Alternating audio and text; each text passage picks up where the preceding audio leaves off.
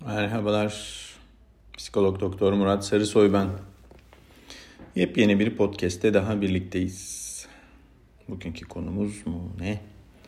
Ezbere sevmek üzerine konuşacağız bugün. Tabii ben konuşacağım, siz dinleyeceksiniz. Bir gün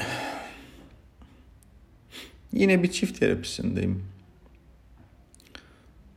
Karşımda iki kişi var ve anlaşamadıklarını söylüyorlar. Ama birbirlerini seviyorlarmış. Kadın sürekli anlatıyor ama anlattığı olayların bir bağlantısı ya da ortak bir içeriği yok. Sadece haklı bulunmak ya da haklı olmak istiyor. Adam ise ben zaten kusursuzum noktasında. Ama bu iki insan hesapta birbirlerini seviyorlar.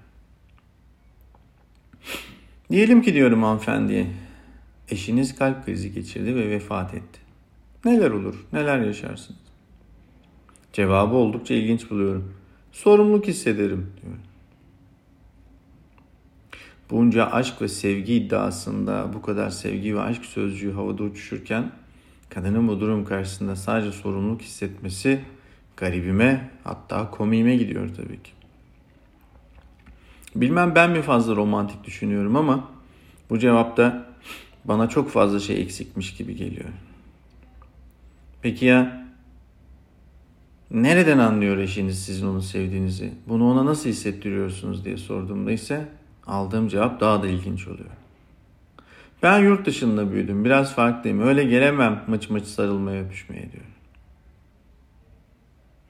Adamın gözleri doluyor. Ağlamakla oluyor.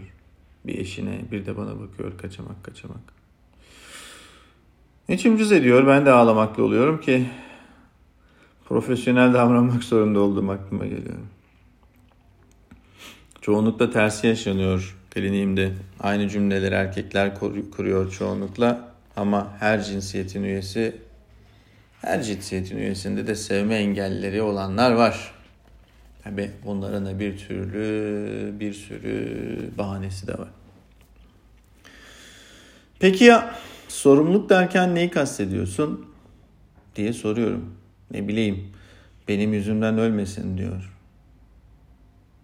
Gülsem mi ağlasam mı karar veremiyorum ve ekliyorum. Sizin yüzünüzden kalp krizi geçireceğini ya da sizin yüzünüzden öleceğini söylemedim ki diyorum. Hanımefendi suratıma o sırada konuyla çok alakalı ya da çok da anlamlayan kızgın, kızgın bir ifadeyle bakıyor. Anlıyorum ki aslında ortada sevgi falan yok. Tam tersi bir bıkkınlık ve kurtulma isteği ve bir öfke var.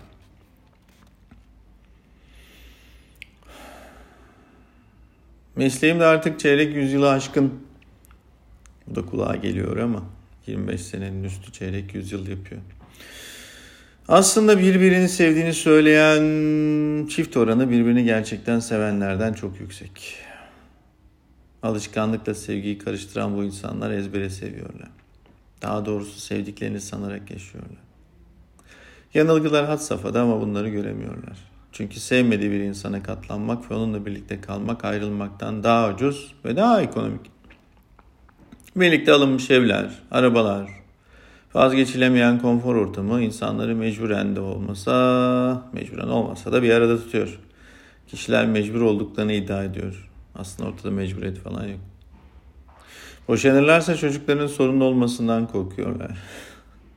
Evli değillerse işin komiği bir daha onun gibisini bulamamaktan korkuyorlar. Onun kendilerine sunacağı faydalardan vazgeçemiyorlar. Bu faydacılık ve çıkargıcılık kokulu ilişkiler içinde yaşayıp gidiyorlar. Bunun kendilerini itiraf edemedikleri gibi yüzlerine söyleyen uzman olsun olmasın kimseden de hoşlanmıyorlar burada. Ha? Hatta doğruları söyleyen herkesten de farkında olmadan ya da olarak nefret ediyorlar. Neyse ki doğruları da dandan söylemekte artık ün yapmış bir uzman olduğumdan ben bu tepkilerden pek rahatsız olmuyorum.